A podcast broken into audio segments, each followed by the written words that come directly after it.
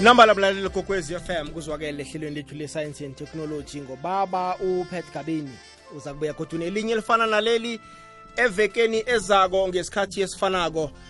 Khumbula-ke bona ngithembisile-ke bona ngalesi sikhathi zabe sikhambisana nebomnyango waboma ilutsha nabantu abaphila nokukhubazeka sitsheje ukuhlonyiswa ngezomnotho ukuthuthukiswa kwamabhizinisi nokwenza ibhizinisi nombuso. Ngibona lana bakwethu kukhulunyiswana sayindaba emnandi kuthiwa umengameli ucyril ramaphosa eh njengosihlalo we-african union. Umemezele leli chumi leminyaka njengechumi leminyaka lokuthatha igadango ngokuhlonyiswa kwaboma ekhulumeni-ke mlaleli kamengameli yesizwe eh, ngo-2021 unyaka lo. Umengameli ucyril ramaphosa uthe ekulumeni yesizwe yomnyaka ka-2020 eh ngithe sibeke iqalondanzi ekuhlonyisweni kwaboma ngokuphathelene nezomnotho. Kumnyaka ophelileko icabinet iphasise umgomo wokubana 40% eh, wokufuna nokuthenga komphakathi kufanele kunikelwe amabhizinisi aphethwe boma iminyango eminingi ithomile-ke ukusebenzisa imigomo le begodu kukhona iragelo phambili. Umengameli ubaba usirel ramaphosa uthe eminyakeni ezako sizokuzama-ke ukunikela amathuba amaningi ebantwini abaphila nokukhubazeka. Bona bazibandakanye emnothweni kanye nemphakathini zomelele. Lokhu-ke ke kufaka hlangana aboma abaphila nokukhubazeka abaqalelwa phasi ngonobangela wobulili babo nokukhubazeka. Okuhlayelako-ke okubonakeleko ekuhlonyisweni kwezomnotho kwaboma kukufikelela ilwazi elivela emthonjeni ethembekako ngelimi elizwisisekako ukuvumela aboma bona batloliseke bathome amabhizinisi bafune umhlahlo nelwazi begodu bakwazi-ke ukwenza ibhizinisi norhulumente eh okuthonywe kuholwa begodu kuphethwe boma akuzange kuthole amathuba wokuthuthukiswa nokwelulekwa ngunobangela wokungabi nelwazi eh namkha nje ukuzwisisa indlela zekambiso yokuthola isekelo eminyangweni kahulumende kanye nakuma entities enzelwe lo msebenzi lo. Khumbula ke bona namhlanje ke mlaleli ke um kuyasithabisa ke ukubona namkha ukuba eh noma ubongekile makhoba oligqwetha lemajajini ovela ku-south african women lawyers association eh, ngokuhlanganyela nomnyango wezaboma ilutsha nabantu abaphila nokukhubazeka. Eh khumbula-ke bona sizokurhatshela amahlelo amane ngenhloko eziqakathekileko malungana nokuhlonyiswa ngezomnotho kwaboma eh bongekile siyakwamukela f FM love and ngithanda nokulotshisa abalaleli behlelo isizikedlile ngiyathokoza ukuthi nibe nami namhlanje. Siyathokoza. Eh ubongekile ke bakwethu ligqwetha bongekile makhoba eh ma ngaphambi ke kobana singene nje esihlokweni angikubuze ke kokuthoma bona kuba yini kube naleli jima nasi campaign esiphezulu kwayo namhlanje? Okay igunya lomnyango wezaboma ilutsha nabantu abaphila nokuhlukumezeka or nokukhubazeka. Lenze ijima leli ukuthi likhona ukunikela abomma ilutsha nabantu abaphila nokukhubazeka ilwazi ngezamabhizinisi nokuthi yini emdele bayenze bonyana bakhone ukuberega nombuso. Ipillar 5 ye-national strategic plan nge-gender based violence and femicide ikhuluma ngokuhlonyiswa ngezomnotho kwabomma ngombana ibone ukuthi abomma abaningi babekezelela amajamo wokuhlukunyezwa ngombana isimo sabo semali singasikuhle so ijima leli lenzela ukuthi likhona ukuhelebha abomma abantu bengubo ilutsha naboma abaphila ngokukhubazeka ukuthi bakhone nabo ukuthi bakhone ukuphuma ngaphakathi kwezimo ezenza ukuthi bathoriseke. So i-gmail izokwenza ukuthi abomma bakhona ukuzijamela begodi babe nolwazi bakhona ukwazi ngamathuba akhona for bona ngezamabhizinisi nokuthi bachugulula njani impilo zabo ukuthi bakhona ukuthi bazijamele ngezemali. Iyazwakala ma uyibeke kamnandi iyazwakala nomlaleli kokwezi FM ekhaya. Ngiyathemba bona uzwile mlaleli. Siyakumema nawe bona uhlanganyele nathi lalela igqwetha lethu lanamhlanje uhlanganyele nathi ngokuphosela nje imibuzo engaba yilandelela ku-079 413 2172 njenganjena ngifuna siqale ngaphasi kwesihloko esithi uyitlolisa kuphi njani i-business enterprise? Eh akusitshele lama bona ithatha isikhathi esingangani indlela yekambiso yokuhlolisa ikampani? Ukutlolisa kwekhampani kuthatha ama-hour ayi-24 lokho kwenzeka nangabe ukhona ukuxwalisa kuhle ikhampani yakho wayenza nento abayibiza nge-reservation name reservation ukubekisa kwegama. Lokha na ufakile isicelo sakho wabekisa negama wafaka ku-e-services okuyi-portal la ukhona ukurejistara khona ikhampani izokuthatha 24 hours ukuthi bakuthumelele iphethana iphethana lelo lizokuba nemininingwane yokuthi mdelo ufake imigodi 24 hours nje kwaphela. Yes just 24 hours. Yazi kuhloga ilwazi nakho? Hm, phela thina sithi kuthatha amalanga amachumi amathathu woke. Siyathokoza ilwazi elifana nalelo. Akhe siqale lana-ke izakhamuzi-ke ezimaphandle zingakwazi mhlawumbe ukuhlolisa ikampani ngapha eSouth Africa? Iye.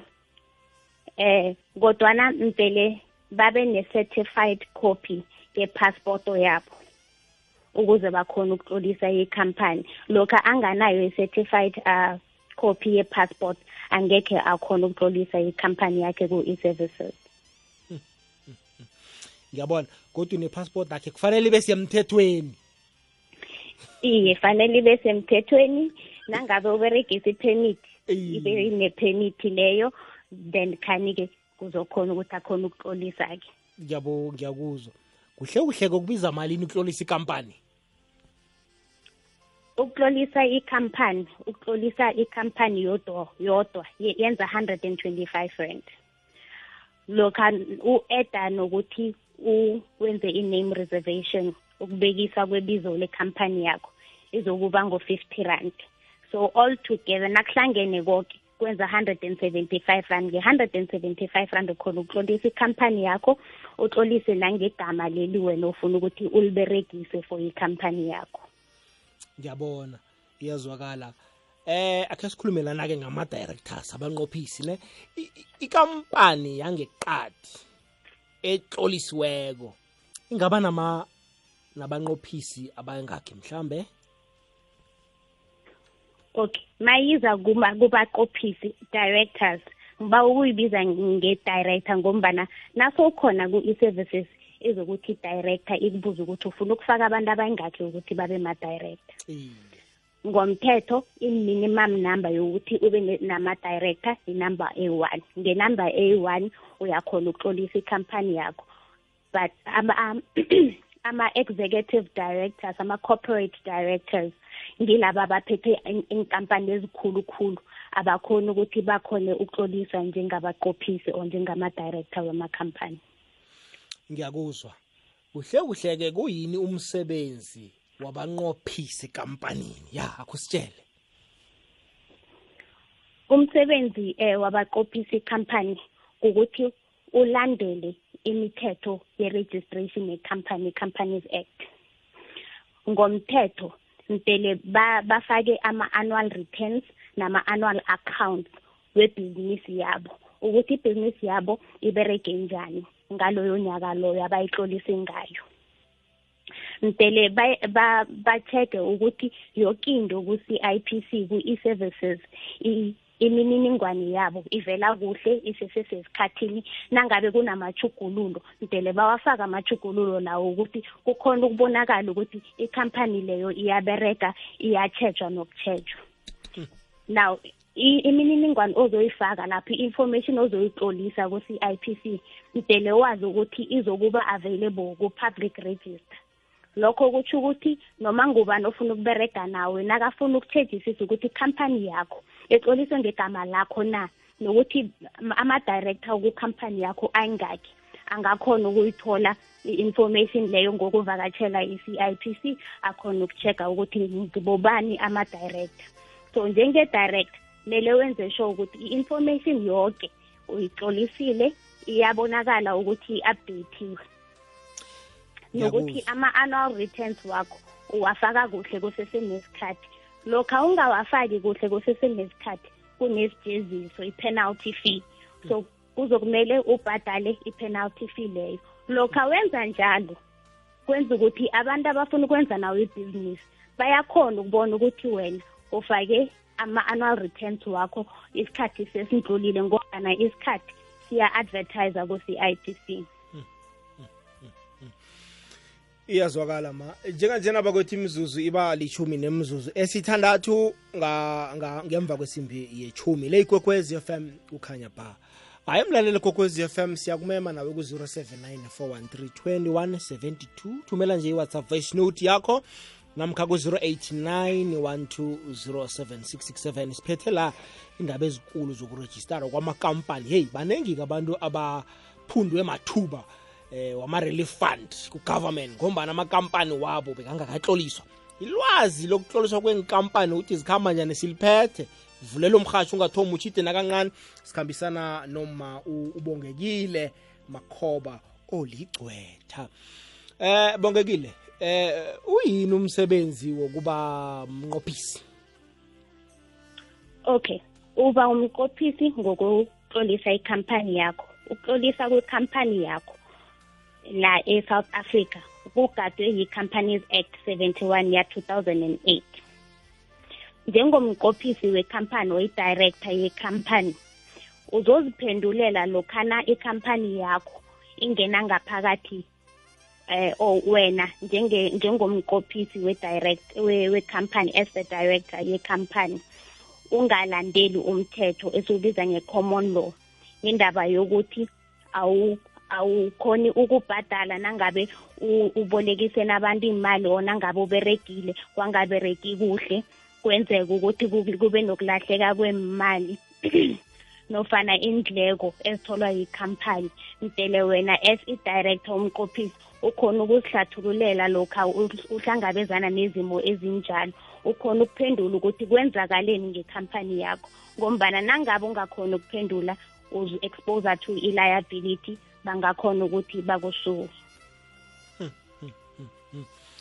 Nakho la mhlambe ngifuna ukuchugulula abanqophisi kule kampani nginayo ngibachugulula njani abanqophisi? Na ufuna ukuchugulula umqophisi wekhampani director yekhampani uya ku-e-services so it's www cipc co za ukhona ukuchugulula khona umqophisi wekhampani yakho. Izokutshela ukuthi kufuneka maphi ama-details maphi ama ama-documents lokha ofuna ukuchange ukuchugulula i-director. Ngenzeka ukuthi ufuna ukuchugulula i-director ngombana i-resigna ikhamba.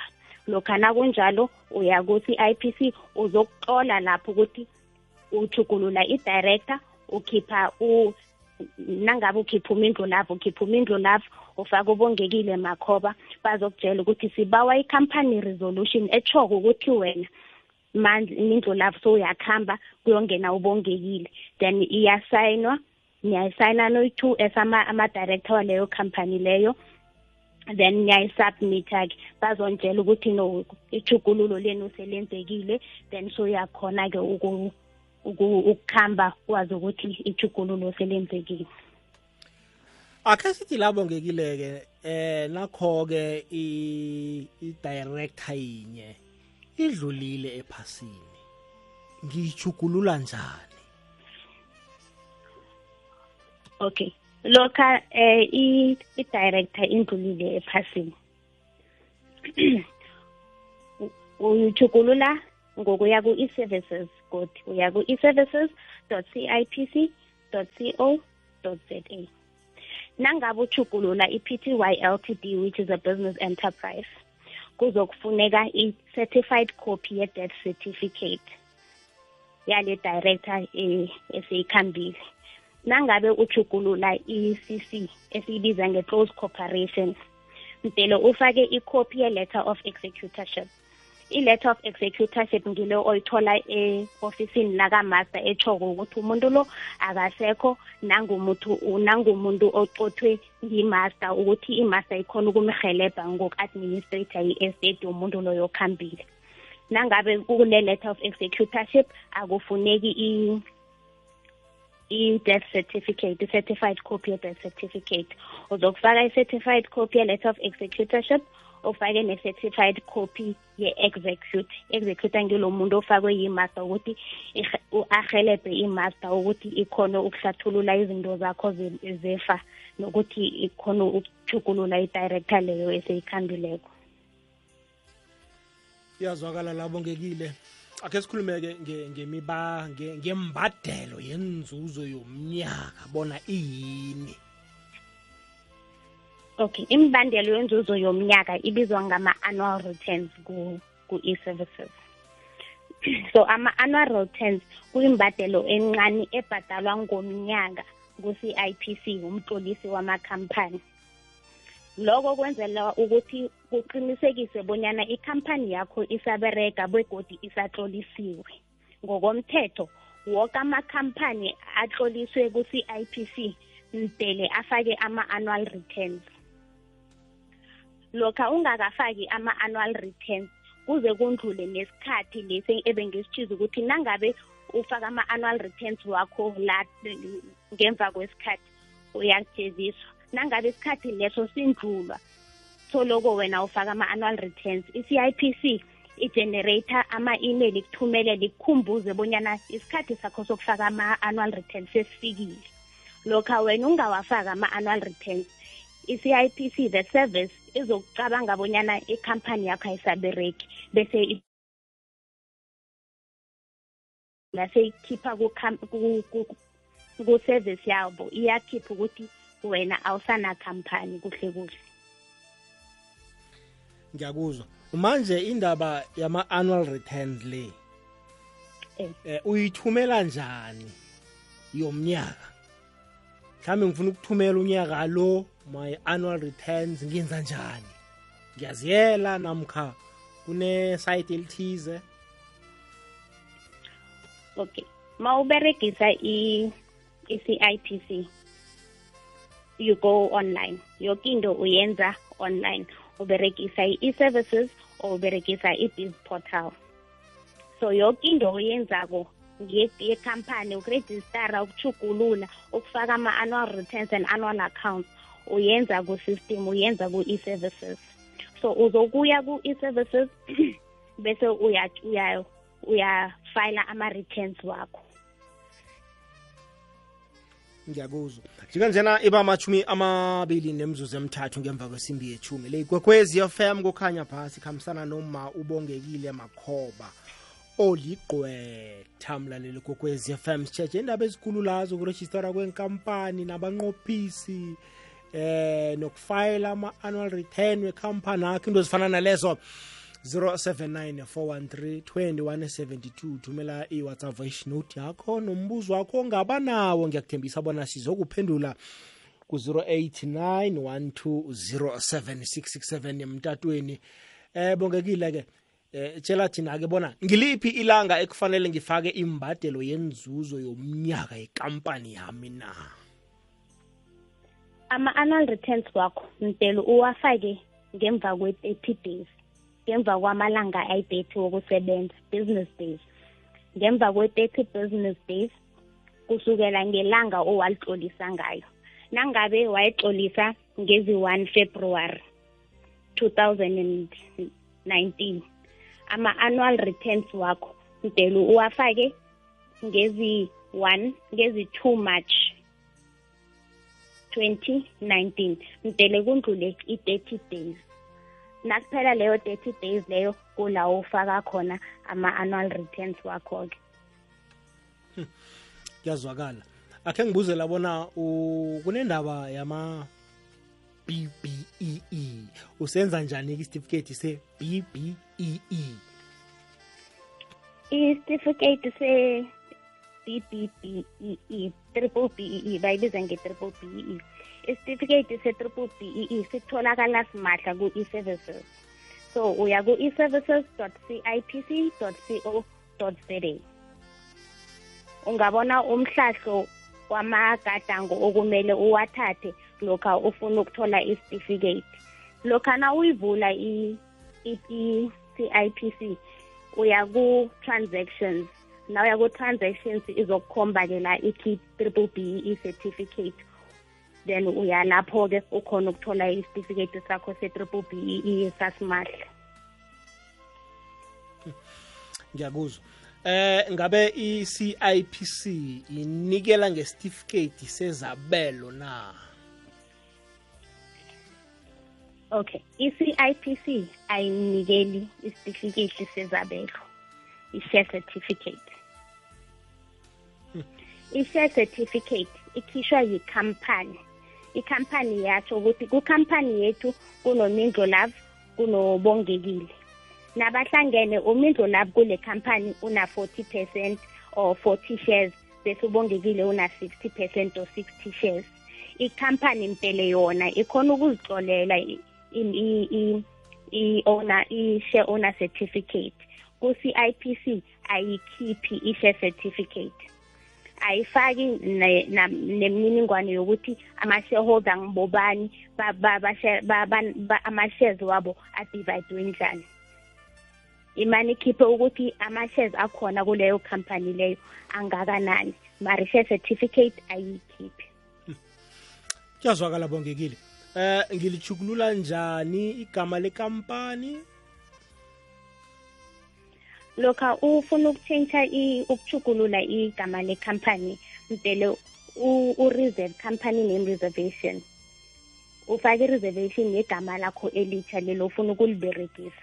Uya ku-e-services cipc co za nangabe ikhampani yakho beyinganagama bowungakayinikeli igama lokuthi ikhampani yakho ine-company registration number. Lokha i-company registration number kuphela i-CIPC ayingekhe ikubhatalise ukuthi uchugulule igama lelo. Nangabe bowunegama oliberegisako sofuna ukuchugulula igama lelo boliberegisa i-CIPC izokuchaja 250 rand. Ukuthi khona ukuchugulula igama lelo hmm. kuyazwakala bongekile nakumbuzo la kuthiwa kuba yini-ke amakampani eh akhetha kwaphela impahla yokusetshenziswa nokukhiqiza ekhambelana nomhlobo wamabhizinisi nalokho abakwenze abakwenzako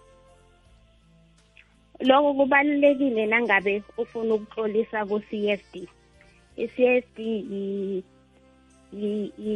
yi-portal ekuvumelako ukuthi ukhona ukuxolisa ikhampani yakho. Utsho nokuthi ikhampani yakho iberega ukwenzani. Ukuthi lokho uhulumende nakafuna or umbuso nawufuna ukuberega nabantu abanamakhampani nangabe wenza i-catering mdele uxolise ukuthi wenza i-catering ukuthi nangabe kuphuma amathenda or nangabe i-CSD ifuna amakhampani akhona ukuzo-ofara amathenda ikhona ukucheck-a ukuthi ukuthi ngimaphi amakhampani atlolisiweko ngimaphi amakhampani a-ofara leyo commodity efunekako ngaleso sikhathi leso. Bese bakuthumezela i-email etshoko ukuthi mani sibona ikhampani yakho yenza so sibawa usinikele ikhoti then ukhona ukuthi uberege nohulumende ngiyakuzobongekile. Akhe ngikubuze nakumbuzo nasibuya la siyokubuya nemibuzo ethunyelwe emlaleli nge-whatsapp voice note yethu. Eh asikhulume ngendaba ye-central supplier database kahulumende yeah. kuba yini kuqakathekile ukuhlolisa ikampani ku-CSD kahulumende okay. i-CSD central supplier database kubaluleke khulu ukuthi utlolise ikhampani yakho ye-CSD ngombana uhulumende akakhona ukuberega namakhampani angakatloliswa ku-CSD nawutlolise ku-CSD wenza ukuthi kube lula kube simahla ukuthi uhulumende akhona ukuberega nawe ngombana ku-CSD uzokutlolisa igama lekhampani utlolise amagama wama-director utlolise nebhanka oyiberegisako ukuthi na utholile umbereko ngiyiphi ibhanka emdele bakubhadale kiyo. Kuyazwakala bongekile eh ngifuna akhe siye kumlaleli la siyokuzwa bona umbuzo wakhe uthini akhe simlalele Eh Mihlo Love Sokoze okhulumayo nguSikhosana la. Bengisacela ukubuza eh kusisi lapho ukuthi uma uregister ikhampani and then unomuntu osebenza naye mhlambe ese partnership but awumfakanga esitifiketini lapho nenza njani uma sekufika ukuthi kusubmit ama return or kufana ukuthi mhlambe kwethi isikhathi umuntu wakhona mangabe ustakile unenkinganyana so usizwa uye bese-ke ma uthola imali ukhona ukumsherela or mhlawumbe niyasebenzisana ngendlela nizwene engakhona. So undlula kanjani lapho? And then omunye umbuzo wesithuku ukuthi kuba nokuthi ngithole umessage kuthiwa no debit order idinayile lapha uh, ku-ci i-services le nto leyo yenzeka kanjani? Ngoba lapho unye mina ngithatha ngokuthi hambe kuyenza ukuthi ma-scam. Kuyenzeka ukuthi i-cipc le bakudonsele imali ebhenki na? Ngiyathokoza. Wongekile uzwile umbuzo? Eh um ngiba ukuconfirma ukuthi ngimuzwe ngimuzwe kuhle na? Iye ngizwa umlaleli uthi kwenziwa njani lokhana uberega nomunye umuntu? Awukamtlolisi as i-director mara uberega naye as i-partner ukuthi lokha na ufuna ukufaka ama-annual returns wenza njani? Okay. And then wabuza kodwa ukuthi uthole umlayezo othi i-debit order ibouncile ufuna ukwazi ukuthi i-CIPC yakhona ukuthatha imali ku-account yakho na? Iye. Okay ngizokuthoma ngihlathulule umbuzo wokuthoma. I-company i-registered ngegama lakho umuntu lavo nangabe uberega nami ubongekile but mina angatloliswa as i-director. Angina anginawo amandla wokuthi ngifake ama-returns nguwe i-director nguwe omdele ufayile ama-returns. Yokinto emaye ephathelana nekhampani ngeyakho. Nangabe ikhampani ingene enkingeni nguwe i-director nguwe kumele uhlathulule ukuthi kwenzakale njani. Lokha une-partner ungakayirejistari ayinama-shares kukhampani yakho. Lokha ufuna ukuthi abe nama-shares mdele um-ede as i-director. Njengoba beseshize ukuthi uyakhona uku-add i-director uyakhona ukuthi uye ku-e-services ku-CIPC ukhona uku-edda umuntu loyo esi-director ukuthi nikhona ukusho ukuthi ama-shares wakamindlonavo angakanani ama-shares wakabongekile angangani. Ukuhlathulula umbuzo wesibili i-CIPC ayidebit. Remember lokha ufuna lokha unikela umuntu imvumo yokuthi akudebithele mdele usayine utlolise ukuthi uyavuma ukuthi umuntu lo akudebithele or nikhulume ngefoni with a credit provider ukuthi akudebithele i-CIPC ayidebithi i-account yomuntu. Na uberegisa i-CIPC uba ne-customer code ne-username ne-password. Lokho kwenza ukuthi ukhone ukungena la wena utlolisa khona la kunama-transactions wakho khona. Na ufika khona nangabe ufuna ukubhadala ukutlolisa ikhampani lo 175 ebesikhuluma ngayo or ukuthi uchugulule igama lo 250 ebesikhuluma ngayo iyakunikela ama-banking details. You deposit or uya-EFT yange-internet ukhona ukubhadala njalo. Ayikho enye indlela yokubhadala i-CIPC ngaphandle kokuthi uberegise ama-banking details akhona ku-website ku-e-services. Iyazwakala bongekile. Sikhambisana nobongekile makhoba oligcwetha ovela kwa-south african women lawyers association. Leli hlelo-ke silethelwa ngibomnyango wabomayilutsha nabantu abaphila nokukhubazeka. Akhe ngibuzelana bongekile indaba yama-annual returns la akhe ngithi mhlawumbe nasikampani ngiyihlolisile ayenzi imali. Anginanzuzo engingenisileko. Kukatelelekile na bona kufanele ngiwasubmithe nakuphela unyaka mali we-sars? e-SARS. Iye. Okay. Ama-annual returns akayi-two. Uwasubmitha ku-CIPC uwasubmithe naku-SARS iye ye-SARS ngiba ukuyihlathulula lokhu sikhuluma nge-SARS ngiba ukuyirola over lokhu sikhuluma nge-SARS ukuthi na ufuna ukufayila ama-annual returns wakho ku-SARS uwafayila njani even if ikhampani ingayenzi imali. Oh ngizokuhlathulula lo ukuthi ku-CIPC uwafayila njani ama-annual returns ikhampani ingayenzi imali? ku-CIPC unenzunzo namkhana awunayo inzunzo mpela uyifake i-annual return yakho. Ima ufika ku- ku-website ye-e-services iyakutshela ukuthi nangabe wenze imali engaka ufaka malini ubhatala malini. Nangabe wenza imali eso ubhatala malini. Nangabe wenza imali eso ubhatala malini. So ine ine fee ine capped fee ukuthi nangabe wenze imali enganga ubhatala imali engaka. Lokho nawuxolisa ku-CIPC ufayila ama-annual returns wakho wenza ukuthi i-CIPC ikhona ukumaneja i-administration fee. Ukuthi ikhone ukumaneja ukuthi ikhombise ukuthi ikhampani yakho isaberega isatlolisiwe. Lokhu ungafayile ama-returns. I-system automatically icabanga ukuthi ikhampani ayisaberegi. It's usually about 100 rand. It's never above 500 rand. Oh. Yeah. hayi izwakele bongekile akhe siyokuzwa la umlaleli? Lotshani mindlulavu ngemrhatshweni ukhuluma nombile stanje mindlulavu bengisacala ukubuza lapho kudade ukuthi lokhuyana ufuna ukujugulula i-address yekhampani kudingeka ini? Namkhana ba- uzocharjwa na ukuthi uya- uyajugulula i-address yekhampani? Cause engikucabangayo ukuthi mhlambe neyidefiketi konke nama-enterprises ku- ku- kungatshintsha mindlulavu bengisaba ungibuzele kudade. Ngithokoza bongekile nakho umbuzo. Ngibawa ungiphindele umbuzo kukhona la i- i-sound yami i- ibe interrupted khona. Uthi nakho mhlambe ufuna ukujugulula i-address yekampani kufuneka ini begodu nizomkhuphisa imali na? Okay unekhampani yaberega ufuna ukujugulula i-address yekhampani yakho? Iye. Okay lokho ufuna ukujugulula ikhampani yakho uya ku-e-services.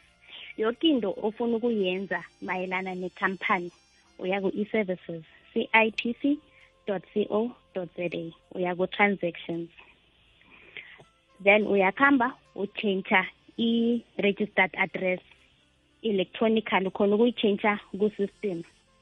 Ufake i-address yakho etha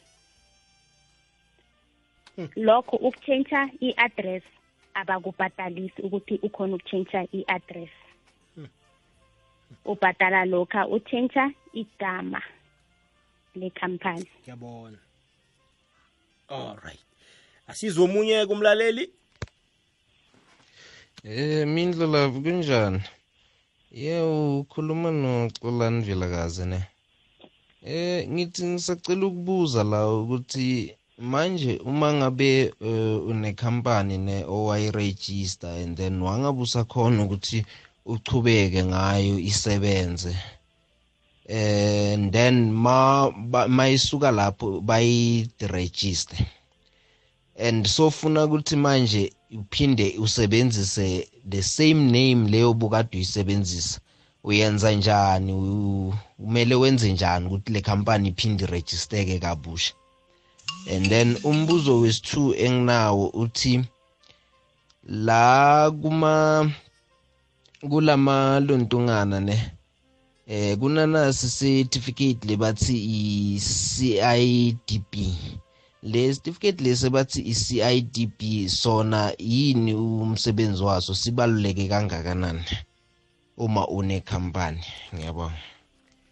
Bongekile.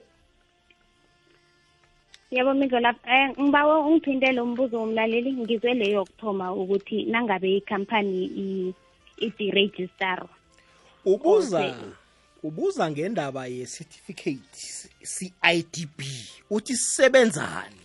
Siyini kuhle kuhle? Umbuzo wesithu loyo okay ngiba ukuthoma ngalo wokuthoma uthi umlaleli eh uregistare ikhampani ikhampani ayibereki seyifika ku-deregistration angakhona ukuthi abuye aberegise igama lekhampani lelo na. Okay according to i-CIPC iya iyisa ku-deregistration nangabe awukafayili ama-return. Lokha ufaka ama-return if ayika-finalize i-deregistration lokhu ufaka ama-returns akho. Ubhadale nale nale penalty yokuthi ufayile late ama-returns akho. Uyakhona ukuberegisa ikhampani leyo ngegama lelo. Hm, yazwakala wesibili umbuzo? Wesibili umbuzo eh ubuza nge-CIDB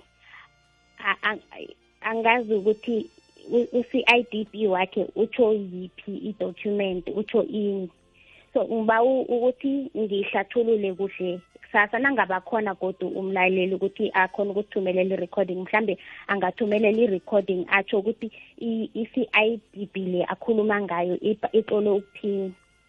Alright ke siyokuzwa kodwa omunye umlaleli la? Ngiyasithokoza um mina ngingumatshana ngapha ekosini ebengithanda ukubuza ukuthi ingabe nokhohlwe i-customer code uyithola njani? Ngoba longakhohlwa i-customer code angisazi nokuthi yayithini ngayenza ngabe u-twenty twelve. So ngibani ngihelebhe lapho. Bongekile indaba ye-customer code. Nangiyikhohliweko ngiyithola njani? I-customer code ye-CIPC um lokhu nawungena ku-CIPC ikhona la ithi eh forgot password forgot username. Ungayiklika khona izokuthumelela i-email ukuthi impele wenze njani nangabe ufuna ukuretriever i-customer code. Ngibawa noku-eda ukuthi nawutlolisa ku-CIPC bakuthumelela i-email. I-email yakho iyakunikela le-customer code. Nangabe umlaleli usese ne-access to ama-email lawo bekawaberegisa or le-email address ebekayiberegisa nakatlolisa ikhampani angachecka khona ukuthi isavela na ngombana bayakuthumelela yona.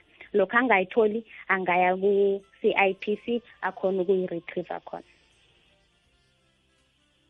Yazwakala bongekile ngifuna sidobho umlaleli. Umlaleli kokwezi FM eh okwakhona sizolivala ihlelo emizuzweni emibili kunembuzo eminingi la ekhuluma ngendaba ye-SARS. Ngicabanga ukuthi sizoyi-checha sele sifike em la kukhulunywa khona nge-SARS. Nginamanga bongekile?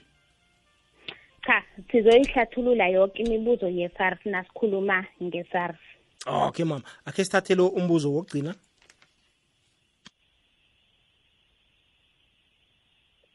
Brongoro bengiba ukubuza lapho sesi ukuthi eh asichazele ubuhle nobumbi boku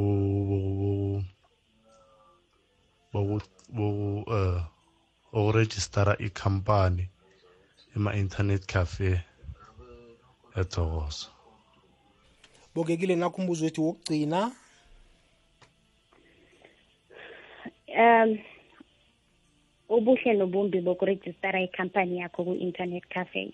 Iye i-internet cafe ivulelwe woke umuntu. Woke umuntu khona ukufaka imininingwane yakhe atlolise izinto zakhe lapho. Kuhle nangabe uzokhona ukuyitlolisa bese uloga out of the system. Nawungena ku ku-CIPC iyakunikela i-option yokuthi uloge out.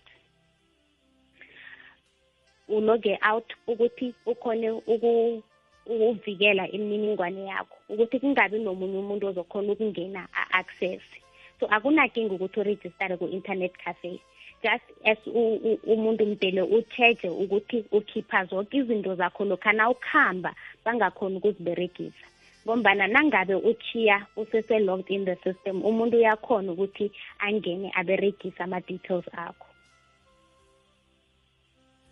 Iyazwakala ebongekile ukhulume kamnandi ukhuluka mambala abantu bacheje ngoba kunama-fraudster ngaphandle. Bathanda nje ukwe ukweba i-information yabantu bayisebenzise ngendlela engasisemthethweni sisongela yona amagama akho wokugcina bongekile? Eh ngiyathokoza ukuthi nibe nami ehlelweni ngiyathokoza ukuthi abalaleli basinikeze eh imibuzo eyenza ukuthi bakhona ukuzwisisa. And kuyakhomba ukuthi abalaleli bafuna ukwazi ngezindaba zamakhampani nezindaba zokuthi itloliswa njani ikhampani kufalwa njani ama-annual returns. Ngiba ukuthi abalaleli balalele godi kusasa sizokukhuluma more on i-sars more kakhulu khulu ukuthi ufayela njani ama-returns wakho ku-sars sizokukhuluma konke lokho abalaleli eh babuye futhi kusasa bazosijoyina hayi sithokozile eh bongekile sihlangana kodwa kusasa ngesikhathi esifanako. Iye ngiyathokoza nindlela thokoza mina. Eh ngumma ubongekile makhoba olicwetha ovela e-south african women lawyers association. Hlelo leli ke silithulelwa ngibomnyango eh yaboma ilutsha nabantu abaphila nokukhubazeka ngesikhathi esifana kogoda kusasa. Liza kuba khona esiphethe nje ilwazi elihle ekungakafanele likuphunde emlalelo kukwezi FM ilwazi elifana naleli kufanele uhlale unalo ngaso sonke isikhathi.